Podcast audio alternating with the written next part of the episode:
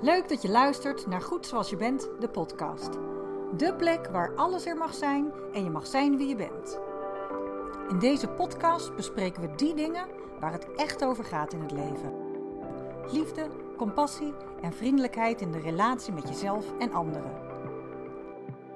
Mijn naam is Frederike Meeuwen. Ik ben psycholoog, coach en auteur van het boek Goed Zoals Je Bent, de psychologie van zelfvertrouwen. Met deze podcast inspireer ik je graag om meer uit jezelf en je leven te halen. Ik neem je mee in mijn persoonlijke ervaringen, ontdekkingen en verwonderingen over het leven. Zowel mijn eigen leven als dat van de vele vrouwen die ik dagelijks in mijn praktijk zie. Ik wens je veel luisterplezier.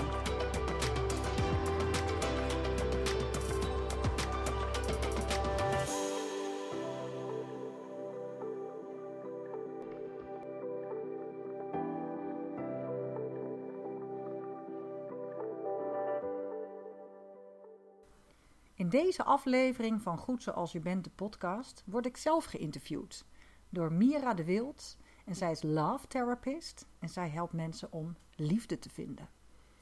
En in deze podcast praten we over mijn boek Goed Zoals Je Bent en over de relatie tussen zelfvertrouwen en liefdesrelaties. Welkom bij een nieuwe podcast. In deze podcast heb ik een hele bijzondere gast. En dat is een uh, vriendinnetje van mij, Frederike Meeuwen. En dat is niet zomaar een vriendinnetje. Uh, zij heeft dit jaar een prachtig boek geschreven, Goed zoals je bent. De psychologie van zelfvertrouwen. En ik dacht, nou, dat is toch wel heel mooi om haar uit te nodigen voor mijn podcast. En in deze podcast gaan wij het hebben over zelfvertrouwen en relaties, of zelfvertrouwen hebben in een relatie. Zelfvertrouwen en relaties, dat is eigenlijk de insteek uh, van ons gesprek. En dan zien we wel waar dat allemaal op uitkomt. Welkom, Frederik. Dank je. Superleuk dat je er bent. Ja, wat een eer. Ja.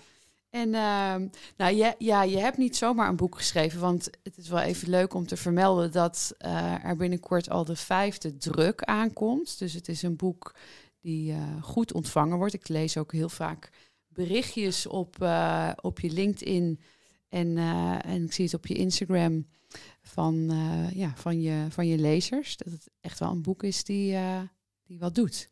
Ja, dat klopt. Ik krijg inderdaad regelmatig mailtjes of berichtjes via Instagram met mensen die echt heel dankbaar zijn dat ik dit boek heb geschreven. Ja, ja. Waanzinnig leuk om te lezen, want je, als je zo'n boek gaat schrijven, dan tenminste, toen ik dat boek ging schreef, schrijven, had ik niet het idee van dat ik dat per se deed om, uh, nou ja, om het een bestseller te laten zijn. Dat, ja, dat klinkt misschien een beetje gek, maar voor mij werkte het het beste om gewoon in mijn bubbel te zitten en te schrijven wat er uit mij moest komen, zeg maar. Mm.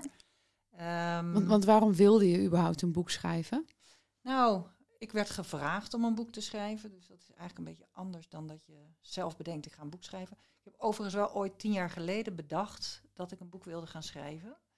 En dat um, ging toen nog heel erg over de, eigenlijk over de liefde. Um, dertigers en de liefde, want tien jaar geleden was ik zelf ook nog in de dertig. En um, nou, ik denk dat het trouwens langer geleden is, want volgens mij had ik toen zelf nog geen relatie. Dus het was echt in, in de periode dat ik daar heel erg mee liep te worstelen. En um, uh, dat waarom het ook voor dertigers, of in ieder geval hè, in deze tijd waarin we toch ook waarin de, van vrouwen gewoon heel veel uh, zelfstandigheid verlangd wordt en waarin mm. we ons eigen broek kunnen ophouden in, op allerlei gebieden, best wel lastig is ook om een, uh, nou ja, voor mij was het in ieder geval lastig om een partner te vinden. En um, ik wilde daar destijds wel een boek over schrijven, maar dat kwam gewoon niet helemaal van de grond. Ik heb wat, dat wat ik toen geschreven heb wel bewaard. Dat is, heeft ook nog wel voor een deel een plekje gekregen in dit boek. Oh, wat leuk. ja. en ja, ik werd dus uh, ongeveer twee jaar geleden benaderd door een uitgever met de vraag: ja, we volgen of hè, we hebben je website bekeken en je podcast beluisterd en uh, uh, blogs gelezen en, en we waren benieuwd of je ervoor open staat om een boek te schrijven. En zo ja, waar zou het dan over gaan? Wauw. dat hoort dat echt ja, ik heb dit verhaal natuurlijk van jou al wel eens gehoord, maar dit verhaal heb ik nog nooit gehoord. Nee. Het is wel heel bijzonder. Ja, en toen ik dus dat eerste mailtje kreeg, dacht ik ook, oh, dat is vast een spammail. Oh ja. en toen good to be true, dat idee. Eh, maar goed, ja, ik dacht, eh, het is toch wel zinvol. Of, of baat het niet, dan gaat het niet. Laat ik dat kennismakingsgesprek eh, aangaan. Ja. En dat was toch eigenlijk wel heel leuk. En toen heb ik een voorstel geschreven. Je moet natuurlijk wel een aantal fases door. Want je moet eerst met een voorstel komen. En dat moet Ja. dus goedgekeurd. En vervolgens moet je een paar proefhoofdstukken schrijven. En dat allemaal nog met het idee dat het ook nog afgeketst kan worden. Dus je stopt er heel veel, best veel tijd in. Maar ik dacht, dit is wel een kans die ik niet moet laten schieten. Nee, ik vind schrijven nee. heel leuk. Ik heb ook ooit trouwens, want eh, mijn moeder die eh, had een goede vriendin, of nog steeds, die astrologe is en psychologe. Die weet heel veel van astrologie. En die had, als kind heb ik al wel eens echt mijn aantal keer mijn horoscoop door haar laten maken. Mhm. En ook zij zei van dat ik, een, dat ik maar eens moest gaan schrijven. Ah, interesting. Ja. Nice. Ja. Nou, en, en zo geschieden. Ja. En je zegt het eigenlijk, je zei het net al toen je zei van ja, eigenlijk eh, wilde ik ooit zo'n boek over de liefde schrijven. En dat het zo lastig bij mij ging om die liefde te vinden. En dat is misschien wel een mooi bruggetje naar de eerste bladzijde in jouw boek, de inleiding. Ja. En eh, ja, ik vind, ik vind het een heel mooi stuk en zo toepasselijk op eh, de vrouwen en ook mannen trouwens die mijn eh, podcast luisteren. Dus misschien wil jij het voorlezen? Ja. zal ik doen. Dat- Het is wel grappig, want ik had het hele boek al geschreven en toen moest ik nog een inleiding. Dit plopte er eigenlijk gewoon, Nou, ik, er gewoon uit. en ik kan me voorstellen als je in de boekenwinkel staat en vaak ga je een beetje zo'n boek doorbladeren en lees je de eerste zinnen, dat je meteen denkt, en nu wil ik dit boek kopen. Ja. Je zit er meteen in. Inleiding. I like you very much, just as you are. Het zijn de legendarische woorden van Mark Darcy in de film Bridget Jones' Diary uit 2001. Ik ben net afgestudeerd, werkzaam in mijn eerste baan en hopeloos vrijgezel. Al jaren. De scène zorgt ervoor dat ik een brok in mijn keel en tranen in mijn ogen krijg. Dat wil ik ook. Zo'n man die mij leuk vindt, precies zoals ik ben. Het is mijn ultieme meisjesdroom. Al jaren worstel ik met mijn zelfbeeld en vooral met de liefde. Ik heb moeite om me te verbinden in een liefdesrelatie en val steeds op mannen die vanwege bindingsangst na drie maanden het hazenpad kiezen. Keer op keer wring ik me in allerlei bochten om leuk, aantrekkelijk, sensueel en grappig te zijn. Maar ik slaag er nooit in. Het bewijs wordt geleverd. De mannen waar ik mee date maken het steeds weer uit na maximaal drie maanden. Vast niet voor niks, toch? Ik maak mezelf wijs dat ik niet mooi, grappig, interessant en slank genoeg ben. Jaren later kom ik mijn Mark Darcy tegen, maar ontdek ik een veel groter probleem. Het is niet Mark, of in mijn geval Georg, die mij leuk moet vinden, precies zoals ik ben. Dat ben ik zelf. Byron Katie deed de prachtige uitspraak: It's not your job to like me, that's mine. Het is niet jouw taak om mij leuk te vinden, dat is de mijne. Ze slaat de spijker op zijn kop. Je kunt nog zo vaak te horen krijgen hoe leuk, mooi, grappig, interessant, lief en slank je bent. Maar als je het niet gelooft, hebben de woorden geen waarde. Net zoals Bridget de woorden van Mark niet kon aannemen. De romantiek zit er dus niet in wat de ander van je vindt, maar wat je van jezelf vindt. En nog iets genuanceerder, hoe je je over jezelf voelt. Ja, en die laatste vind ik dan ook nog echt wel heel, eh, heel mooi. Want dat is, eh, dat is wat, wat ik zo vaak meemaak. Dat vrouwen zijn, eigenlijk zei dat in het begin ook al. Hè, we zitten nu in een maatschappij waar wij vrouwen ook weer moeten staan. We moeten onze boontjes doppen. En ehm, veel ook vanuit het hoofd. Hè, een beetje het vechten, het strijden. En dan is het vanuit het hoofd wel van, ja, tuurlijk ben ik leuk. Tuurlijk ben ik een goede catch. Maar ja, zolang je het in je hoofd denkt en je, in je het in je lichaam niet voelt, dan gebeurt er eigenlijk gewoon helemaal niks. Hè? Ja. Dat is wel mooi. Maar, nou, nou ben ik wel eigenlijk benieuwd, wat is er dan? Je vertelt, eh, je begint met een verhaal waar, nou ja, de meeste vrouwen waar ik mee werk eh, zich heel erg in zullen herkennen. Hè? Die bindingsangst, verlatingsangst, lukt steeds maar niet. Wat is er gebeurd waardoor het in één keer wel... Ja, het, het, het, je hebt een inzicht gekregen, maar die, als ik het zo goed interpreteer, kwam dat inzicht wel toen je al samen was met jouw Mark, met jouw Mark Darcy. Nou ja, dat is, het is, ehm, wa- wat bij mij wel best een patroon was, is dat ik, ik viel vaak op mannen die dan een soort van onbereikbaar waren. Die had ik dan in mijn hoofd helemaal geïdealiseerd. En dat waren eigenlijk mannen met bindingsangst. En die vond ik ook wel veilig, want dan hoefde ik, uh, kon ik heel hard vechten, maar ik kon ze toch niet krijgen. En stiekem achteraf gezien denk ik dat ik dat heel erg veilig vond. Mm. Uh, want als een man mij heel erg leuk vond, dat gebeurde natuurlijk ook wel. Dat waren de mannen die gingen er gewoon voor. Dan kreeg ik het Spaans benauwd. Ja. Had, had ik binnen no time uh, had ik het weer uitgemaakt. Het gebeurde meestal andersom hoor. Want ik viel meestal wel op die mannen die niet bereikbaar waren. Want dat was een soort intern systeem wat onbewust eh, bij mij werkte. Ja. Ja, nou ja, dat zijn er verschillende dingen. Ik heb natuurlijk zelf in mijn leven ook best wel wat aan zelfontwikkeling gedaan. Um, beginnend gewoon met therapie. Ik bedoel, de zelfontwikkeling is zo'n uh, mooie term tegenwoordig. Ja. Maar het begon maar gewoon bij de psycholoog. Omdat Ja. ik uh, als tiener of als vijftienjarige een eetstoornis had. Um, en later ben ik ook in een vrouwengroep. In, de stu in mijn studententijd heb ik een jonge vrouwengroep, heette dat. Daar vertel ik ook nog later in het boek iets over. Omdat ik daar ook wel echt een soort van uh, start of, of, of, geproefd heb van het samen kunnen delen in een groep. Dus die kwetsbaarheid in een groep. Dus dat was heel waardevol. Dus met al die verschillende um, therapie, maar later ook uh, persoonlijke ontwikkeling, heb ik natuurlijk geleerd om meer op mezelf te vertrouwen. Als ik het namelijk over zelfvertrouwen, het woord zelfvertrouwen heb, dan bedoel Mm. ik echt op, op je zelfvertrouwen. Dus niet zozeer van als je een complimentje krijgt, dan groeit je zelfvertrouwen. En als je kritiek krijgt, dan zakt dat in. Dat is juist een beetje de term zoals we hem kennen in de maatschappij. Ja, maar ja. ik bedoel hem echt van kunnen voelen uh, dat je er mag zijn. En Ja. dat op je zelfvertrouwen. Dus dat is bij mij een proces wat natuurlijk in die uh, ontwikkelingsjaren uh, gegroeid is. Ja. En um, ja, het grappige is bij Georg, dus bij Mark Darcy, zeg maar. We zullen hem nu gewoon Georg noemen. um, daar begon het in, in eerste instantie ook een beetje zoals het altijd begon. Ja. Namelijk, uh, nou ja, en eigenlijk dan de man die mij heel erg leuk vond en die meteen heel enthousiast was. Waardoor ik het eigenlijk alweer een beetje benauwd kreeg. Um, maar die wel heel goed om kon gaan met mijn benauwdheid. Dus als ik dan zei van, joh, het, is, uh, het, gaat me te snel, dan nou, trok hij zich daar niet zoveel van aan in de zin van dat hij paniekerig werd, maar hij nou, gaf me dan die ruimte. Ja, precies. Hij zat daarmee niet in een verlatingsangst. Want als Nee. je iemand had aangetrokken die dan weer verlatingsangst had, die zou dan weer in paniek, uh, uh, Ja. de paniek zou uitbreken en die zou zich wel juist op je gaan storten. Ja.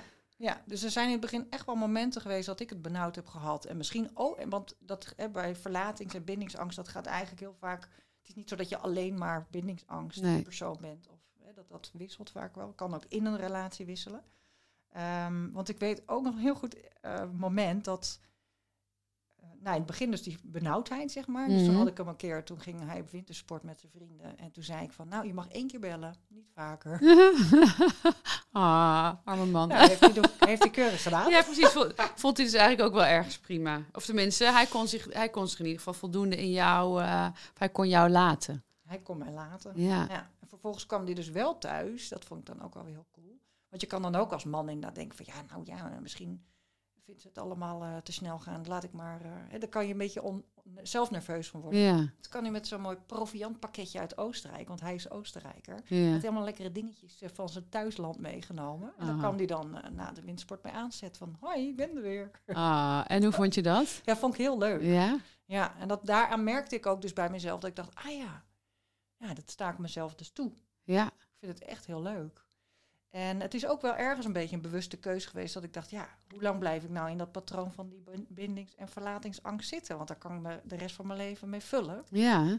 Maar, um, dus het is ook een beetje, ik voel de angst en doe het toch. Ja. Dus toch ook maar doorheen. Ja, maar dat is ook wel mooi dat je dat zegt. Want uiteindelijk is dat het ook, hè? Of het nou de angst voor de verlating is of de angst voor de binding. Het is dat we het vaak dan gaan projecteren op de ander. Dus in de bindingsangst om juist iemand af te duwen, van je, van je weg te duwen. En de verlating om, om je eigenlijk erop te storten. Ja. Om datgene wat je voelt, om dat te voelen dan maar. Ja. Ben je dat ook echt gaan doen? Van wat, wat, wat gebeurt hier nou eigenlijk met mij? ja, ik denk wel dat ik, want wij zijn nu eh, twaalf jaar samen, denk ik. En dat daar ook in die twaalf jaar best wel weer natuurlijk wat hobbels en bobbels geweest zijn. Mm. En waarin dat stuk van voelen ook, uh, dat ik dat, want dat heb ik ook niet van thuis geleerd. Onze generatie heeft dat niet zo heel goed geleerd. Nee, nee. Dat beschrijf ik ook heel Een uitgebreid. beetje een generatiedingetje inderdaad. Ja, Ja. ja. ik denk dat wij, uh, hoop ik in ieder geval, dat wij onze kinderen alweer heel anders opvoeden. Ja. Maar ook in dat voelstuk ben ik wel in de afgelopen jaren ook weer meer gegroeid. Ehm, en ja, dat kom je natuurlijk ook tegen dan in de relatie. Mm. En naast het voelen is het ook een kwestie van... Ja, is wel heel mooi. Ik, ga, ik zie nog steeds af en toe iemand. Hè. Ik vind het gewoon zelf ook heel fijn om eh, mijn hart te luchten. Ja, er gebeurt genoeg in, in mijn leven en in Ja. mijn werk. Dus ik vind het ook heel fijn om iemand te hebben die dan weer net even wat... Dat is een psycholoog, dat is wat ouder dan ik. En nou ga ik één keer in de maand naartoe. En zij had het zo, en dat, dat staat trouwens ook in het boek, maar goed. Zij had op een gegeven moment een hele mooie uitspraak. ehm, ze zegt op de grens verschijnen. En wat zij daarmee bedoelt, is dat je eigenlijk met al je kutkwetsbaarheid, want zo noemde ik het dan, kutkwetsbaarheid, Mhm. dat is toch best altijd nog een lastig dingetje, eigenlijk je hand uitsteekt en daarmee dus je kwetsbaarheid toont. En Mhm. eigenlijk steek je hand uit in de hoop dat de ander hem pakt. Ja. Maar je loopt altijd het risico dat die ander dat niet doet. Ehm, en dat is wel wat ik steeds meer ben gaan doen, ook in die relatie. Van ja, dit is hè, hoe ik erover denk, dit is wat ik voel, dit zit me dwars of dit vind ik moeilijk. En daarmee steek ik eigenlijk mijn hand uit. Ja. En ja, soms wordt die gepakt, maar niet altijd. Ja, en dan, want dat vond ik, vind- vond ik wel heel mooi dat je dat net zei, van ja, zelfvertrouwen. Het is vertrouwen op jezelf. Ik vind het echt een hele, die resoneert zo voor mij. Eigenlijk zelfvertrouwen krijg ik wat minder. Ja, is wat zelfvertrouwen, maar vertrouwen op jezelf. Maar dat voorbeeld wat je nu geeft, is, is daar een hele mooie in. Dat inderdaad jij je stukje kwets, kwetsbaarheid bij de ander, of tenminste je openstelt en dat deelt met de ander. En dat het dan vervolgens ook is het vertrouwen op jezelf. Wat ongeacht wat de ander ermee doet. Ja, Want hij maar kan- het feit dat je jezelf toestaat om die hand uit te steken...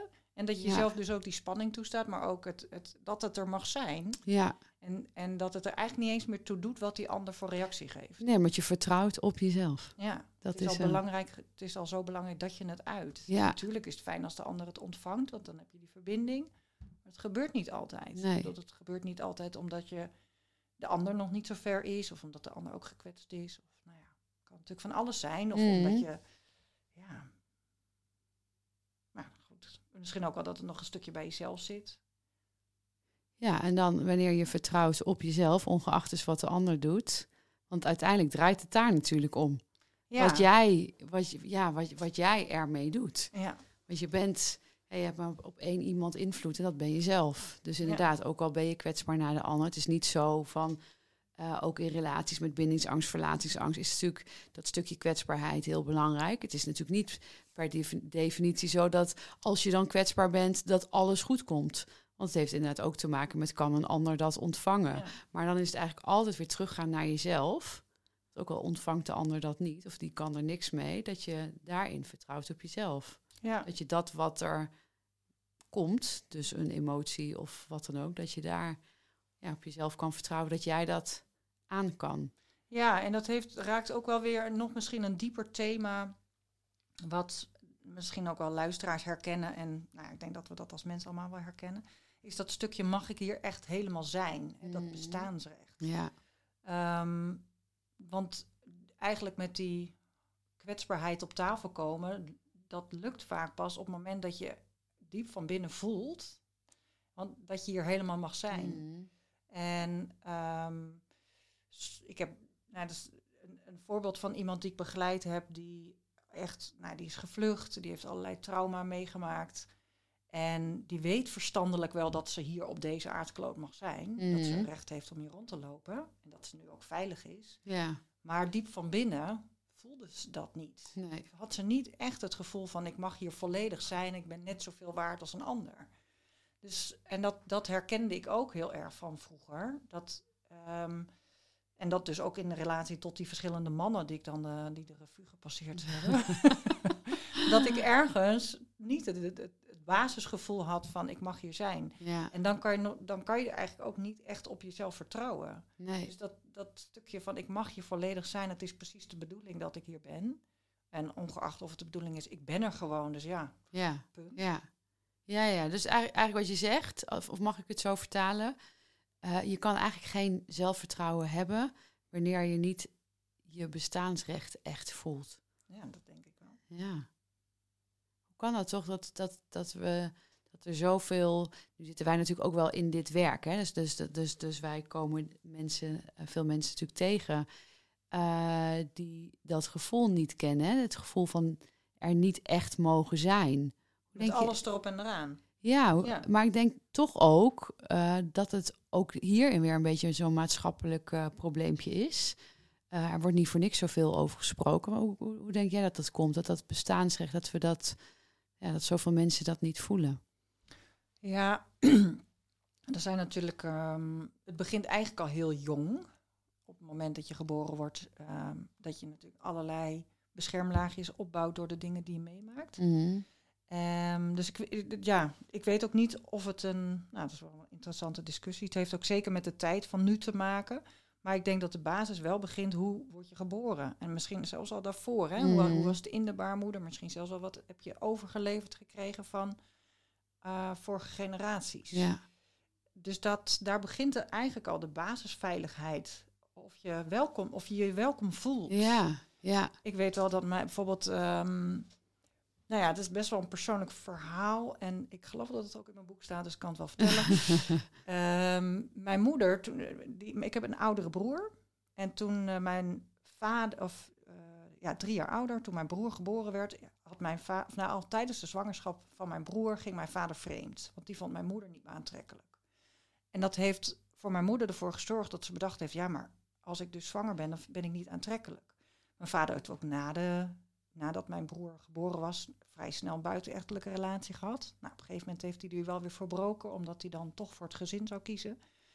Maar daar is natuurlijk al heel veel angst bij mijn moeder ontstaan Mhm. over zwanger zijn bijvoorbeeld. Dus op een gegeven moment was haar wens voor een tweede kind zo groot dat ze toch besloten heeft om over die angst heen te stappen, zeg maar. Mhm. Is zwanger geworden, maar heeft eigenlijk al die tijd, tenminste, we hebben het er wel eens over gehad. Ik weet niet of zij zich dat nou zo, hè, dat heeft ze niet zo met zoveel woorden gezegd, maar ik kan me dat wezenlijk voorstellen. Ze heeft ook wel gezegd, nou, ik vond dat inderdaad ook wel ingewikkeld. Ehm, het gevoel gehad van, ja, nu vindt mijn man me niet meer aantrekkelijk. Gaat hij weer vreemd? Eh, wat Ja. gaat dit betekenen? ja. Dus ik ben er wel van overtuigd dat dat een eh, invloed al heeft op, de eh, op het embryo, de Zeker, foetus en de ja. hele ontwikkeling. ja. Ehm, nou goed, de- het niet, jezelf niet mooi vinden is bij mij een, the- een levensthema, zeg maar. Ik heb dat, dit voor mij een groot ding. Om, eh, ik ben niet voor niks ook in, die, in eh, mijn jeugd die eh, anorexia gehad.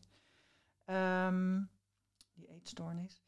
Dus Oh, dat de- dus En als, we dat dan, als je dat dan koppelt ook aan bestaansrechten, hè, dat is Ja. natuurlijk... eh, letterlijk ja, Ja, jezelf ja. eigenlijk wegcijferen of klein maken. ja. ja. ja.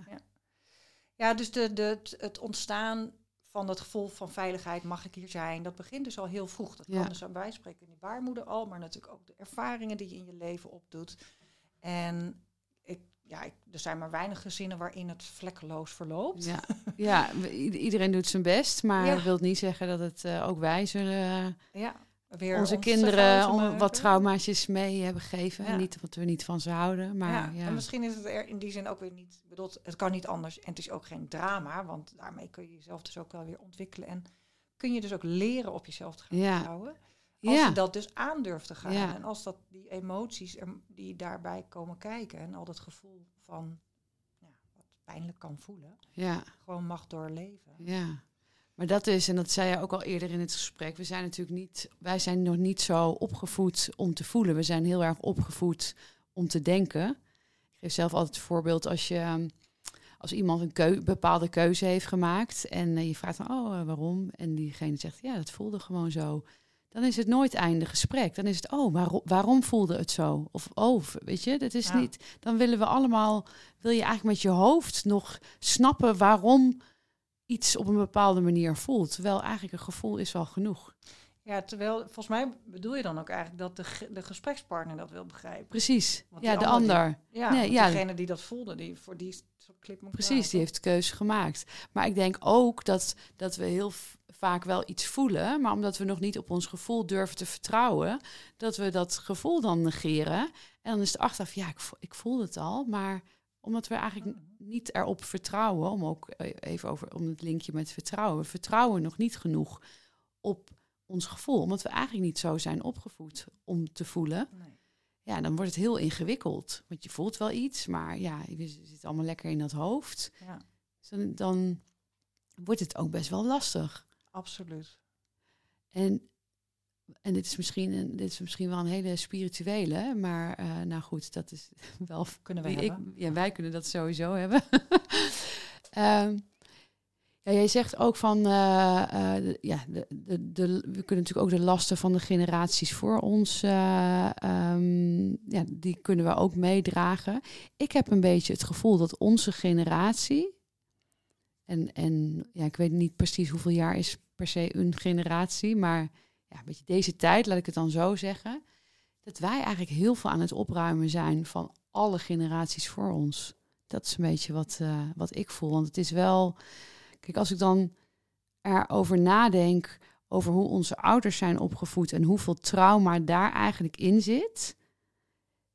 En onze ouders eigenlijk niet zo heel veel ja, daaraan doen. Nou ja, omdat, het ook, omdat zij het omdat het niet gefaciliteerd kregen, denk ik. En, en nu in deze tijd, we zijn allemaal aan de bak aan het gaan, maar er komt ook veel uit. Dus wat ik eigenlijk probeer te zeggen, is dat die generaties voor ons leken er soort van mee weg te komen. Ik bedoel, innerlijk zal er vast wel een en ander, maar die misschien ook omdat die zo in het hoofd zitten, gewoon maar doorgaan. Hè? Dan ga je op de overleven, uh, en je gaat maar. En dat wij nu steeds meer naar ons gevoel zakken, maar daarbij dus ook, daar komen ook de, de niet leuke dingen bij. En dat al die generaties die dat eigenlijk opgekropt heeft, dat wij eigenlijk heel veel aan het ontladen zijn voor wat er allemaal, al die generaties voor ons ook is gebeurd. Ja, dat, zo, dat, dat um, zie ik ook zo. Ik denk wel dat de generatie bijvoorbeeld van onze ouders ook gewoon daarin veel minder begeleid zijn. Hè? Mm. Dat er ook een heel andere tijd was na de oorlog. Dan moest gewoon opgebouwd worden. Dat ja. we, ze hadden iets anders aan hun hoofd, Precies, zeg maar. Ja. En nu zitten we natuurlijk ook wel, als je kijkt naar de Maslow-pyramide, vrij hoog in die piramide, waardoor er ook ruimte is. Ja. Um, en ja, de, de, goed, dat is inderdaad dat het spirituele van de nieuwe tijd. Zitten we inderdaad in een transformatie. En uh, ja, daar geloof ik ook wel in. En ik geloof ook dat we de, in die zin ook een beetje de mazzel hebben dat wij dit nu mogen opruimen of kunnen opruimen. Het is natuurlijk niet altijd even fijn, maar ja, je, dat weet je ook uit ervaring dat het. Het klinkt in eerste instantie soms spannend hè, om emoties aan te gaan, of trauma's of pijn. Maar hoe ontzettend uh, helend het is als je het wel doet. Ja. Het is die Ja. medaille waar vaak over Ja. gesproken wordt, hè? die twee kanten. Het is Ja. niet- je kunt niet het licht voelen als, het, als je het donker niet eh, aan wilt gaan. Nee. Ik zeg wel eens ook met, hè, met, met burn-out, depressie, dat dit dan proberen we alles lekker weg te stoppen. En eh, dat lijkt lekker veilig, want dat wil ik niet voelen. Mm. Maar ja, daarmee kan je ook de euforie en de vreugde niet voelen. Dus als ik dat wel eens aan mensen uitleg, dan zeggen ze ook, ja, dat klopt wel. Ik heb eigenlijk ook al een beetje, ik kan ook niet meer echt heel erg genieten of ben nooit, nooit echt blij. Nee. Of, nee. nee, dat is het. Je moet echt even door de diepe shit heen. Want het, het kan echt diepe shit zijn. Maar ja, daarna is er dan wel dat licht. Ja, Dus ja, je kan ervoor kiezen, nou, daar heb ik geen zin in. Of dat doet pijn, of dat wil ik niet. Dan blijf je eigenlijk... of het is niet pijnlijk genoeg. Nee, of ja... Je bedoelt als als, je het dan- aangaat. Nou, nee, om het niet aan te... Kijk, als iets Oh, nog niet zo. pijnlijk genoeg is, dan heb je Ja. zoiets van, nou, weet je wel, laat maar zitten. Ja, of Terwijl angst... ergens voel je wel dat het, dat het Ja. niet fijn is. Of de angst is gewoon, dat merk ik bij, bij heel veel vrouwen waar ik mee werk, dat de angst zo groot is om dat aan te gaan, dat ze echt bang zijn om, dat, ze niet meer, dat ze niet meer kunnen blijven staan. Ja. Dat ze omvallen. En ik ben wel benieuwd hoe jij dat ziet, want ik zie het dan eigenlijk zo. De kans om om te vallen is veel groter als je het niet aangaat dan als je het wel aangaat. Want als je maar doorgaat en, het, en, het, en ja, je blijft het wel meezeulen op je rug, ja, dan heb je dus veel meer kans op die depressie of op die burn-out. En als je in een zware burn-out terechtkomt, ja, dan val je letterlijk om. Want, Ja. want dan kan je ook echt niet meer. Terwijl door die shit heen gaan, ja, het is niet dat, dat, dat daar meteen eh, de champagne opengetrokken kan worden. Maar pas dan, als je er echt doorheen Ja. gaat, pas dan komt het los en kun je naar dat licht toe. Ja, dat ben ik met je eens. En, ehm, en, en echt een, in een depressie belanden of burn-out belanden, dat, dat, dan ben je vaak, kan je als je pech hebt er echt een paar jaar uit zijn. Hè? Dan kan je niet meer je dagelijks leven, zeg maar, zoals je het gewend bent te leven. En ehm, ja, ik, ik vind dat een mooi voorbeeld van eh, bijvoorbeeld paniek of, of verdriet. Het zijn eigenlijk golven van de zee. Hè? Mm. Als je verdrietig bent of je voelt angst en je, ga, je geeft er echt aan toe, het mag er zijn, kan natuurlijk wel dat je lichaam gaat trillen of weet ik wat Mhm. allemaal. Maar dan merk je dat als je dat echt toestaat, ja, dat het eigenlijk na een paar minuutjes wel vermindert. Ja, ja. Als je het gewoon puur hebt over een angstreactie. Het gaat natuurlijk Ja. niet over een secundaire emotie die dan, hè, waar dan trauma onder ligt, zeg maar. Maar een primaire emotie, dus zeg maar een emotie die in, een, in het hier en nu een reactie is op een trigger. Mhm. Ja, dat gaat eigenlijk binnen een paar minuten is dat weer voorbij. Ik zeg ook als tegen mensen, je, je zal nooit de rest van je leven in een paniekaanval Nee, zitten. nee. Nee, ik vind het wel grappig. Ja, dat zeg ik ook. Als mensen dan zeggen, ja, ik ben bang dat ik er niet meer uitkom. Dan denk ik, ja, ik, ik heb nog nooit ergens in de krant gelezen van eh, iemand zit al eh, zes jaar in een huilbui of zo. Nee. Weet je? je, je komt er altijd. Je komt er altijd uit. En sneller dan je denkt. Sneller dan je. En juist dat wanneer je die angst hebt, en dan zet je jezelf eigenlijk als het ware vast. Dan heb je meer kans dat het langer duurt dan als je er doorheen gaat. Want dan is het inderdaad als die golf. Ja, er is een piekmoment, maar hij zakt ook altijd weer. Terwijl als jij je vasthoudt, ja, dan is het echt. Dat is, ja, ik, ik, Sluimerend is het dan de hele ja, tijd. maar je zet jezelf ook letterlijk vast. Dus er kan ook niks smelten. Ja, ik zie dat dan als die tranen zijn eigenlijk het smelten van het ijs. Dus het, het vasthouden, het trauma wat je, wat je vast hebt. Ja, dat, dat kan dan ook niet smelten. Want jij bent vast. Jij hebt jezelf vastgezet. Dus wat doen we onszelf toch eigenlijk aan, hè? Om, om er juist niet naartoe te gaan. Ja, maar dat is dus omdat we, kijk, als je vanuit de jo- jongs af aan ehm, in een maatschappij geïndoctrineerd wordt, om het zo Ja. te zeggen, dat eh, emoties, eh, hè, als je valt en je knie doet pijn, kom op, ben jij nou Ja. een grote meid, sta op, pleister erop door. Ja, Er wordt nooit gezegd, nou wees maar even lekker kwetsbaar, want dat is goed voor je. ja, huil, ja, huil maar lekker. Huil maar lekker. Ja, Ja, en ik, Ja. mer- ik moet mezelf eerlijk gezegd ook af en toe weer eventjes bij de les houden als het om de opvoeding van mijn eigen kinderen gaat. Ja. Dat Ik denk, oh ja, wat zeg Ja. ik daar? Ja, ja want dat eh, was mijn volgende vraag. Als je dan, ehm, je hebt dit boek geschreven, wat, wat, hoe, hoe zorg jij ervoor als moeder zijnde dat jij je kinderen op een dusdanige manier opvoedt, waardoor jij het gevoel hebt dat je zoveel mogelijk leert om te vertrouwen op zichzelf? Ja, met vallen en opstaan. Mm. nou, ja, het, is, het is inderdaad ehm, het fenomeen van eerst goed voor jezelf zorgen, dan kan je goed voor een ander zorgen. Gaat ook in, een, in de opvoeding natuurlijk op. Mm. Dus op het moment dat ik merk dat eh, ik bijvoorbeeld een korte lontje krijg, wat in de, zeker in de afgelopen 2,5 jaar met eh, corona en veel thuis zitten en thuisonderwijs eh, best wel gebeurd is. Mm. Ehm, ruimte voor mezelf maken, maar ook mezelf vergeven in, in dat wat ik doe. Zeg maar, als ik Mhm. dan dat korte lontje heb, dan moet ik eerst mezelf vergeven. Vervolgens zeg ik ook sorry tegen hun. En dus dan ga ik naar ze toe en zeg van ja, dit was, dat was echt niet zo netjes. Daar moet ik me excuses voor aanbieden. Ehm, daarnaast, dat emo die emoties waar we het net over hebben. Mhm. Mijn dochter die kan soms heel hysterisch worden. En dan gaat ze echt, nou ja, ze is inmiddels eh, acht en half en het gaat echt wel beter. Maar ze- vroeger kon ze dat echt wel meer hebben. En ehm, ja, dan is, het, dan is het heel bewust. Want mijn eerste reactie is ook van, nou, zeur niet zo. Hou eens op. Alsof Mhm. dit helpt. En dat doe ik Ja, nog ja. steeds wel eens hoor. Mhm. Maar daarnaast denk ik, oh, wacht eens even. Misschien moet ik het er gewoon even uitlaten. Dus dan zeg ik ook, nou, gooi het er maar gewoon even uit. Ja, Huil ja, maar. ja, Ja, het is blijkbaar even nodig. ja. En ehm, mijn dochter heeft ook wel eens, dat gebeurt niet zo vaak, maar dat heeft ze ook een keer gezegd. Mam, laat me nou gewoon even gewoon rot voelen. Oh, wauw. Ja. Spiegel. Ja. en toen zei ik, oh wat goed dat je dit zegt. Dankjewel. Ja. Oh, zeg, je hebt helemaal gelijk. Ja. Maar toen was ik ook heel blij dat ze het kon aangeven, want ze Ja. geeft het dus niet zo heel vaak aan.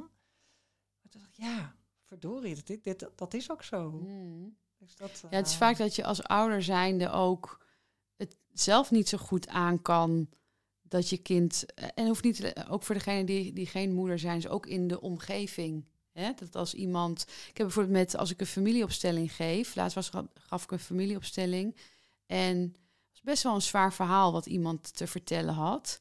En, maar voor haar was het heel fijn om het te kunnen uiten en om daar verdriet om te mogen hebben. Ehm, maar er waren een aantal die dat dan. Tuurlijk is het ook qua empathie dat het je raakt, dat verhaal. Maar we zitten dan heel erg in het verhaal. In plaats van, oh wat fijn, dat zij dit gewoon even lekker eruit kan gooien. Maar daar kunnen wij zelf eigenlijk niet zo goed tegen. mm. Snap je? Dus we vinden het zelf eigenlijk heel moeilijk als een ander verdrietig is. Want da- daar voelen we zelf wat bij. Waar we zelf weer Ja. ongemakkelijk bij zijn. Dan hebben we ook eigenlijk liever maar niet dat dat zo is. Of dat nou je kind is of iemand in je omgeving. Ja, nou ja, dat is wel doorgaans wat mensen inderdaad wel kunnen ervaren. Ja. Ja? Ja. Ik heb zelf als psycholoog eh, daar niet zo'n moeite mee. Dat is, nou, nou, dat heeft niet zoveel met de psycholoog zijn te maken, maar dat is misschien gewoon wie ik ben. Ik vind het juist, ik vind het heel fijn om die bedding te kunnen geven aan mensen, Ja. om te, juist dat te kunnen voelen in, die, Ja. in een veilige omgeving. Nou ja, dat is, dan ook, dat is ook wel wat wij in ons vakgebied ook doen. In die zin van, ja, laat het er maar zijn. Ja, Toch? die ruimte bieden. Ja. En ehm, als we dan weer even terug, eh terug, teruggaan naar jouw boek. Goed zoals je bent. Wanneer ben je goed zoals je bent? Ja, dat ben je per definitie al. Maar, Maar goed, dat is een kort boek. ja, inderdaad, einde. je bent goed zoals je bent. Dat ben je, punt. Punt. Ja. Bedankt voor het lezen van dit boek. Maar het, het gaat er natuurlijk om dat. Kijk, vanuit mijn perspectief is iedereen goed zoals die is. Ja, Maar het gaat natuurlijk om de vraag: hoe kun je jezelf, hoe kun je zelf dat gevoel krijgen? Ja. Dat je jezelf ook goed Ja. vindt, zoals je bent. Waar, waar, la- een, een, een, een vraagje terug nog. Waarom vinden we ons eigenlijk niet zo goed zoals we zijn? Nou, dat heeft, Veel mensen. ja, dat heeft dus onder andere te maken met die opvoeding. Dat we anders te horen krijgen. Dat we ons aan een zo hoort het systeem moeten Mm. aanpassen. Ehm, dat we soms nare ervaringen meekrijgen waarin eh, eh, we te horen krijgen of geïnternaliseerd hebben dat we niet goed zijn zoals we zijn. Dat we aan bepaalde eisen moeten voldoen. Hmm. En dan gaat vaak die innerlijke criticus, die wordt dan gevoed. Hè? Ja, dus dat ja. kritische stemmetje wat vaak in eerste instantie door de buitenwereld eh, ingefluisterd werd, maar op een gegeven moment een intern stemmetje. Ja. Ja, het is wel mooi om wat, wat meer uit. Dit is voor ons natuurlijk een hele bekende, maar ik denk dat dit voor veel luisteraars wel mooi is om wat meer over te vertellen over die kritische stem. Mhm. Want soms lijkt het dat je, jeze- dat, dat je zelf iets tegen jezelf zegt, maar dat het eigenlijk in je jeugd, bijvoorbeeld door je vader of je moeder, zo vaak tegen je is gezegd, dat je dat zo bent gaan geloven en vervolgens is je eigen stem geworden. Ja. ja, dat kan je vader, je moeder zijn. Dat kan het ook een leraar zijn. Ik, ik Mhm. heb een cliënt die, ehm, nou een beetje het klassieke voorbeeld van de turn, eh, die zat vroeger Oh, ja. op turnen op hoog niveau. En die had een, eh, echt een eh, vreselijke coach die haar, nou ja, zoals we vaker hebben gezien in die verhalen, weer die balk opstuurde met een gebroken voet, bij wijze van Ja, ja. En ja, bij haar is die innerlijke kritisch heel erg, criticus heel erg eh, die stem eigenlijk van die oude coach eh, Ja, geworden. ja. Maar het is inderdaad vaak, het kan ook een combinatie zijn hè, van Mhm. eh, verschillende personen, maar het is vaak de kritiek die we van buitenaf gekregen hebben, die ervoor gezorgd heeft dat we ons zijn gaan inhouden, dingen niet zijn gaan doen of niet zijn gaan zeggen.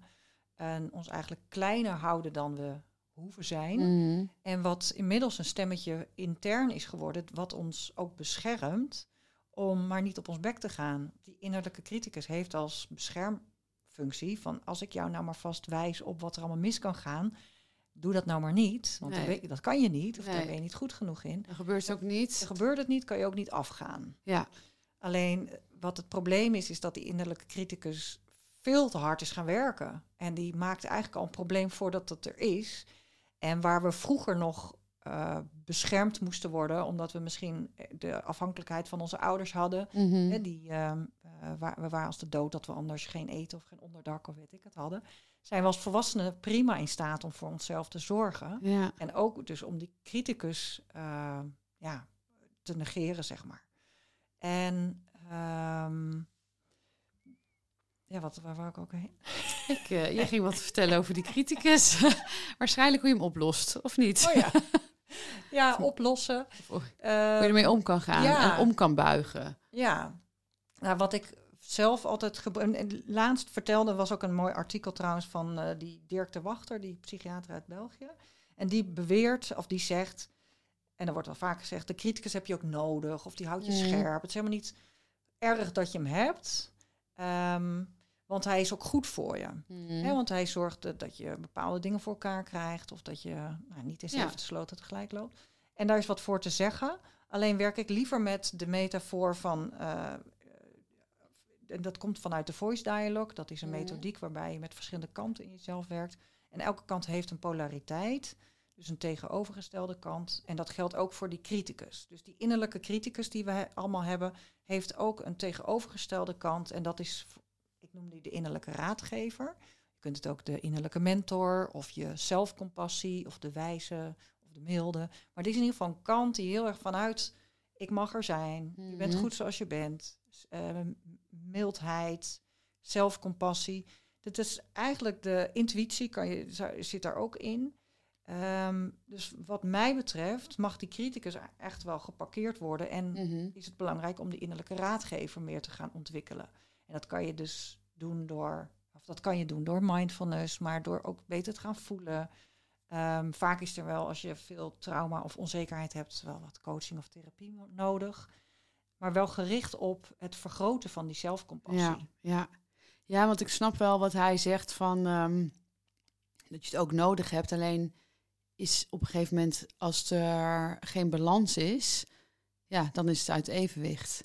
Ja, ik geef dan vaak toch het voorbeeld van, hè, de, stel dat je iets doet wat niet zo handig was, of ehm, waar je op afgerekend kan worden, dan is de criticus er als de kippen bij om te zeggen, Jezus, ben je toch ook een rund? Wat heb je, ja, heb je echt Ja. niet handig aangepakt? Wat denk je nou, wat, wat, wie, denk je nou in dat je bent? Of wat vinden mensen? Wat moeten ze wel niet van je vinden? Eh, en de raadgever, die zou dan zeggen, goh, wat naar dat je dit meemaakt. Het is natuurlijk helemaal niet leuk om af te gaan. Daar, heb, daar zit je al met de emotie van het afgaan, van de schaamte. En dan krijg je ook nog eens die criticus eroverheen. Die Ja, er wat van ja.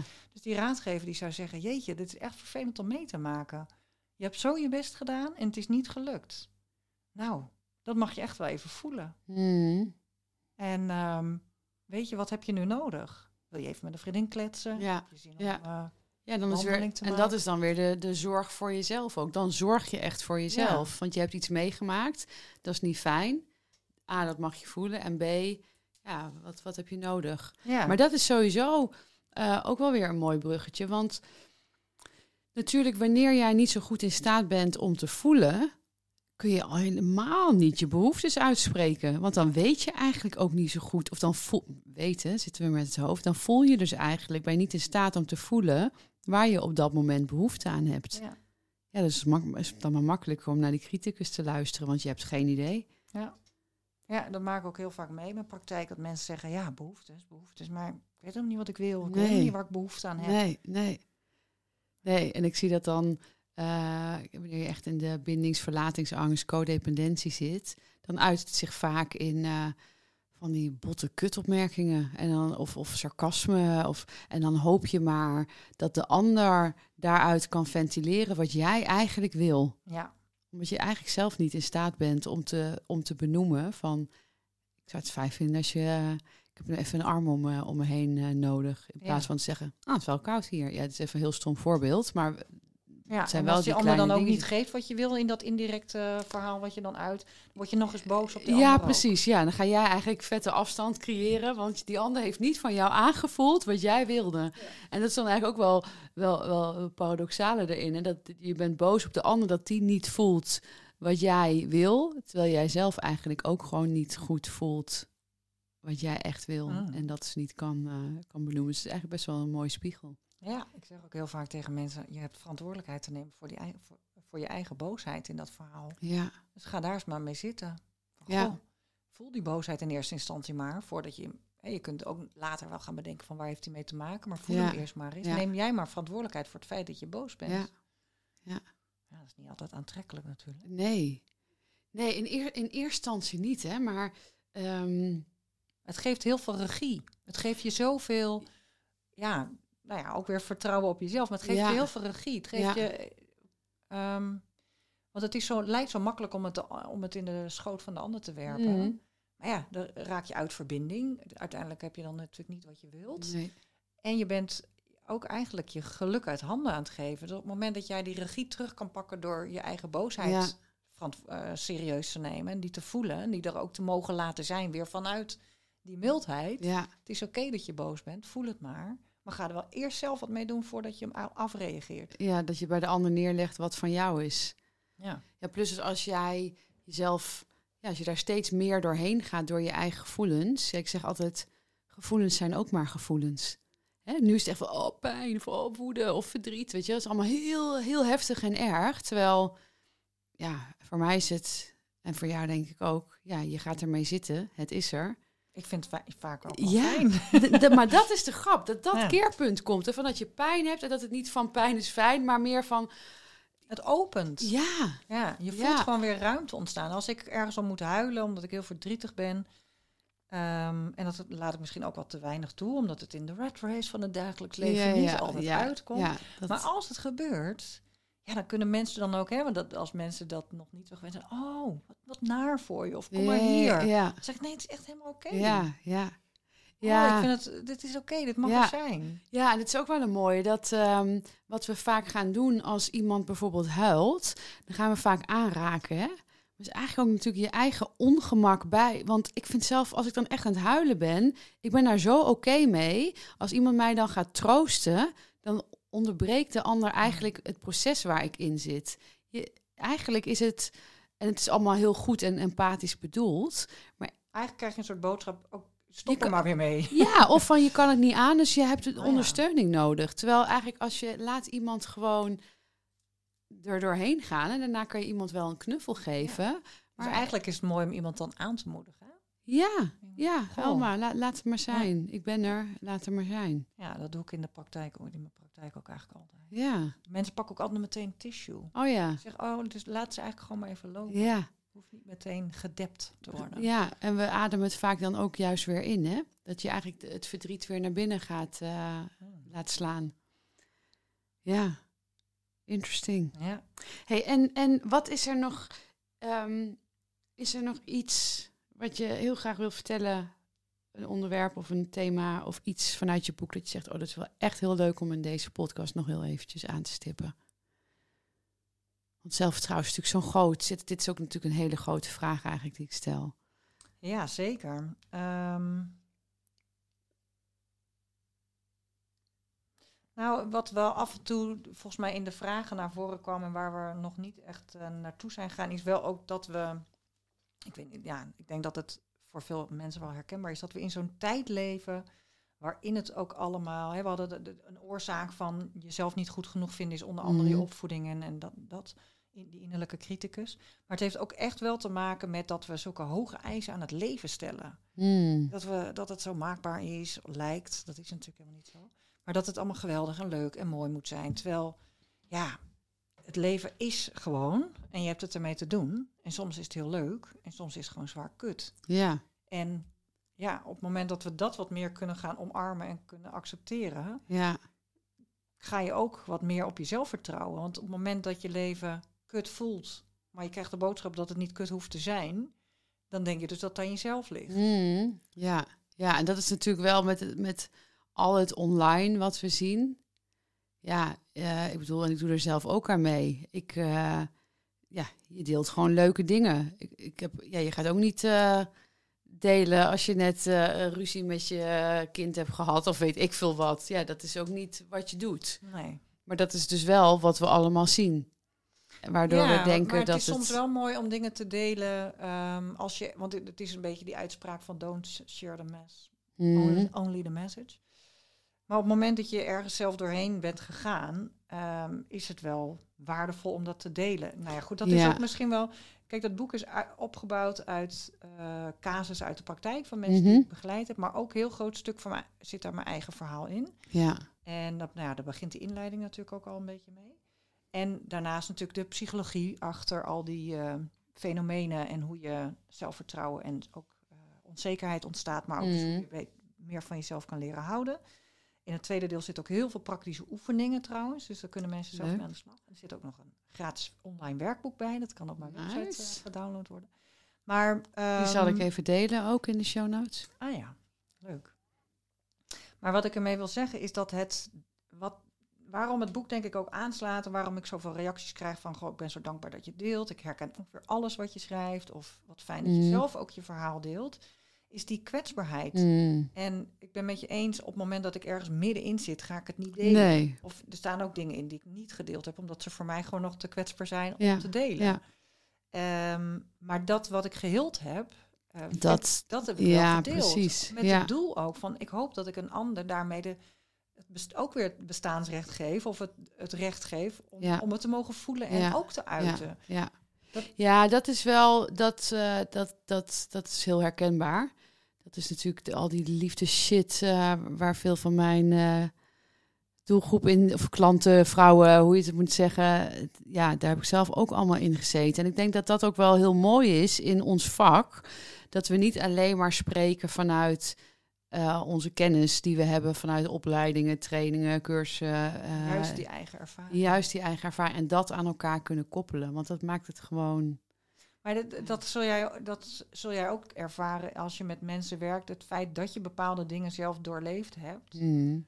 ehm, maakt dat je die ander, tenminste, ik vind dat heel fijn, omdat ik dan die ander Ja. veel beter kan begeleiden. Ja, nou ja, dat, dat is het inderdaad. Als jij een vraag krijgt en dan.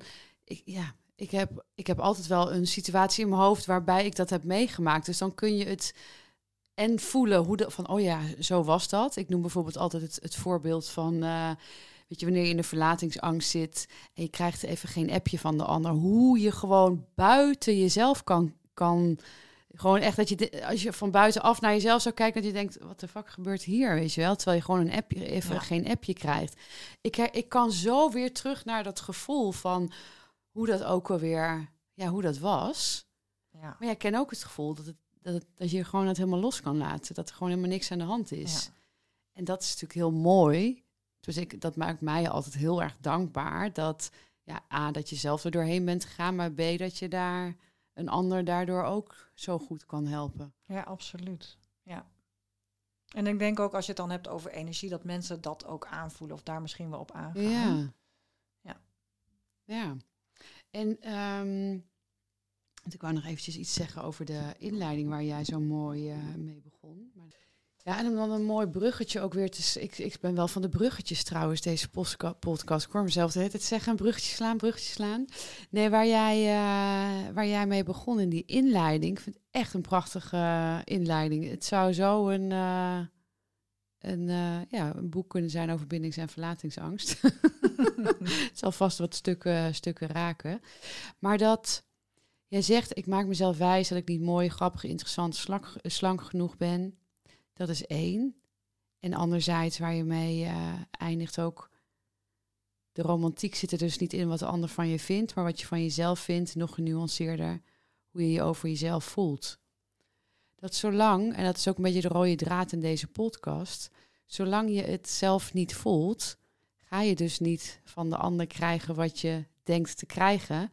Want dan is het eigenlijk, ben je zelf ergens ook een beetje een bodemloze put. Absoluut. Want de ander kan geven wat hij wil. Jij gaat het niet ontvangen. Daarin dan ook de mannen die jou misschien wel heel graag, eh, die heel graag bij je willen zijn. Maar dat is allemaal, eh, dan heb je allerlei ook weer, weer allemaal stemmetjes die, eh, die in jou allemaal vertellen dat je dat maar allemaal niet aan moet gaan. Want het is ook Nee, natuurlijk reeds spannend. Nee, er waren dan allemaal een beetje van die... ja, daar maakte ik een heel verhaal van. Oh, hè, die, dus die man die kreeg een heel verhaal aan zijn, Ja, aan zijn kont ja, hangen. Ja, was te klef of te, te, te veel into me. Wat kent hij me eigenlijk wel echt? En, ja. weet je wel? van Waar gaat hij nou eigenlijk voor? Want die zit voor nepgedoe. Ja, ja. Dus, het, dus, dus de eerste stap is, is ja, dat vertrouwen op jezelf, dat zelfvertrouwen, dat eerst gaan zien, voelen en, Ja. en ervaren. Heb je misschien wel één, je hebt, kijk, ik zou zeggen, ga sowieso dit boek aanschaffen, hè, wanneer je dit eh, luistert. Eh, sowieso fijn. Kijk, het wordt ontzettend mooi omschreven, maar het feit dat er zulke mooie oefeningen in staan waar je gewoon praktisch gezien meteen wat mee kan, vind ik super waardevol. Sowieso vind ik het altijd waardevol, want dan heb je er ook direct wat aan. Heb je, het hoeft niet per se een oefening te zijn uit het boek, mag natuurlijk, maar heb je een kleine, ja, of een tip of iets wat je, wat je als afsluiting van deze podcast mee kan geven aan de luisteraars om ja, al een stapje te gaan zetten in dat zelfvertrouwen? Ja, het, het- jeetje, er zijn zoveel eh, oefeningen. Ehm, en het is wel, ik vind dit wel een lastige vraag, omdat je, ja, het is, dat schrijf ik ook in het boek. Het is natuurlijk geen quick fix. Je kan Nee. niet zeggen, ik doe even een oefeningetje en dan is het Nee. geregeld. Nee, het is vaak zo'n enorm proces. Maar dat is ook wel een mooie, want dit, is- ik, eh, dit, het, het is vanuit mij ook niet de vraag, oh, één oefening en dan heb je zelfvertrouwen. Want bedoel, dat, dat, dat herken ik. Hè. Dan zitten, komen vrouwen bij mij met de problematiek van bindingsangst, verlatingsangst, steeds maar niet lukken. Of krijg ik via mijn Instagram ook krijg ik een heel levensverhaal te horen. En dan zeg heb je een tip. Alsof je inderdaad Ja. In één tip dan en zo'n probleem is opgelost. Dat, is- dat is natuurlijk structureel, eh, of ja, mag je constructief eh, ja, mee wat- aan de bak. Wat wel nu in me opkomt is dat ehm, ehm, vaak is het feit dat mensen op een gegeven moment, en of dat nou is omdat ze een boek hebben gelezen, of omdat ze zo vastlopen, of dat ze voelen dat er iets moet gebeuren omdat het zo niet langer kan. Mhm. En als ze dan de eerste stap durven zetten om daarover te gaan praten, of dat nou met een goede vriendin, een collega of een therapeut of een coach is, dat nou ja, maakt dan eigenlijk niet zo heel veel uit. Mhm. Maar die eerste stap zetten van eigenlijk in die kwetsbaarheid toegeven dat er iets aan de hand is, is vaak al de eerste stap in zelfvertrouwen. Ja, Omdat mooi. je daarmee jezelf de ruimte geeft van dit wat er nu is, wat ik niet leuk vind, mag er zijn. Dat, Ja. geef, je- dat geef je daarmee bestaansrecht. Ja. En dat is wel de eerste stap op weg naar vertrouwen op jezelf. Want dan daarmee zeg je eigenlijk, dat wat ik nu meemaak, dat wat ik nu voel, is dusdanig belangrijk dat ik daar uiting aan moet geven. Mhm. Dat is ja. precies wat we ja. zeggen met op jezelf vertrouwen. Ja, ik vind dit wel een hele mooie. En, en ja, dit wou ik eigenlijk als afsluiter, maar ik vind het toch wel interessant dat eh, die quick fix, hè, we zitten eigenlijk zo lang in een bepaald patroon, in een bepaalde shit. En dan op een gegeven moment is het klaar. Dan hebben we zoiets van, nu moet het veranderen. En dan denken veel mensen oprecht van, oké, en dan ga ik er nu mee aan de slag. En dan over een maand is het over. Hoe kan dat Ja. toch? Is eigenlijk Ja, ook weer het niet is, aan willen. eh, Toch bang voor, misschien toch bang ergens voor een gevoel of zo. Ja, ja, mensen hebben dan, en dan horen ze bijvoorbeeld als ik het dan heb over een half jaar programma, en dan denk je, jezus, een half jaar. Ja, dan denk Dan denk ik, nou, je bent- je begint net. 40, je hebt, dat zeg ik ook altijd, je bent 40 jaar lang, heb je met bepaalde patronen Ja, je leven geleefd. Hè? Dan ben je. Daar heb je 40 jaar lang zorgvuldig de tijd voor genomen om ze op te bouwen. en dan denk je een en dan half denk je jaar. na een half jaar dat je dat in een half jaar afgebouwd ja, veranderd hebt. Ja, interessant. Als je het in die, in, ook in die verhouding tegen mensen vertelt, dan zeggen ze, denken ze ook altijd wel, oh, Oh ja, ja, ja, ja. Maar toch zouden ze het wel het liefste willen. En ik, ik weet ook dat er veel mensen zijn die. ehm, ik heb dat een tijdje geleden ook gehad. Zei iemand ook van, nou, ik heb dan, ja, ik heb en een half jaar traject en negen maanden traject. Dat iemand zei, negen maanden, nou, vind ik te lang. En dan weet ik zeker dat diegene na een jaar denkt, kut, had ik nou maar dat toen gedaan? Want nu ben ik alweer een jaar verder en zit ik nog steeds in dezelfde sores. Ja. Want als je gaat voor een quick fix, die er dus niet is, dan blijft, dat, dan blijf je eigenlijk heel lang erin zitten. Want dan ga je eigenlijk steeds op zoek naar korte quick fixes. En dan kan je zo vijf jaar bezig zijn met allemaal quick fixes en eigenlijk nog steeds de diepte niet echt aangepakt eh, hebben. Dus er is, dus dat is wel een mooi. Er is geen quick fix, dat is het sowieso. En de eerste stap naar zelfvertrouwen is het eigenlijk erkennen dat, ja, Dat je het niet hebt. Of dat je onzeker bent. Of Ja. dat je, dat je nou ja, ongemak ervaart. ja, Ja. en, en En jezelf dus- de toestemming geven om er dus wel wat mee te ja, gaan doen. daarin ook de liefde voor jezelf voelen, jezelf de liefde geven, jezelf eigenlijk aangeven van je bent het waard om hierin tijd, geld, energie te Ja. investeren. Ja. Ja. mooi. Nou, het boek ehm, Goed Zoals Je Bent van Frederike Meeuwen, die is eh, eh, te koop via haar website sowieso. Die zal ik ook delen in de show notes. En Krijg je er nog een paar mooie inspiratiekaartjes Oh ja, bij. dat is wel heel leuk. Die heb ik namelijk hier ook. Eh, dat is wel heel leuk. Dus als je via de website van Frederike zelf koopt, krijg je hele leuke ja, inspiratiekaartjes. Kaartjes, ik hou van kaartjes. Dus dat is, dat is gewoon Kun leuk. je of ergens neerzetten om jezelf eventjes aan te herinneren. Of je stuurt het op naar iemand die dierbaar voor je is. Nice. Vijf kaartjes. Nou, leuk. Ik wil jou super bedanken dat jij eh, aanwezig was voor deze Ja. podcast. En jij Heel erg onwijs leuk. bedankt voor de uitnodiging. Ja. Heel leuk. Dankjewel voor het luisteren naar deze podcast. Ik hoop dat het een interessante podcast voor je is geweest. En voor nu wens ik je een hele fijne dag en tot de volgende. Doei doei! Ja, dit was hem weer. Dankjewel dat je hebt geluisterd naar Goed Zoals Je Bent, de podcast. Vond je dit nou een interessante podcast? Geef hem dan een like Of deel hem op je socials met de hashtag Goed Zoals Je Bent, de podcast. En wil je zeker weten dat je niets mist? Abonneer je dan op deze podcast. Heel graag weer tot een volgende keer.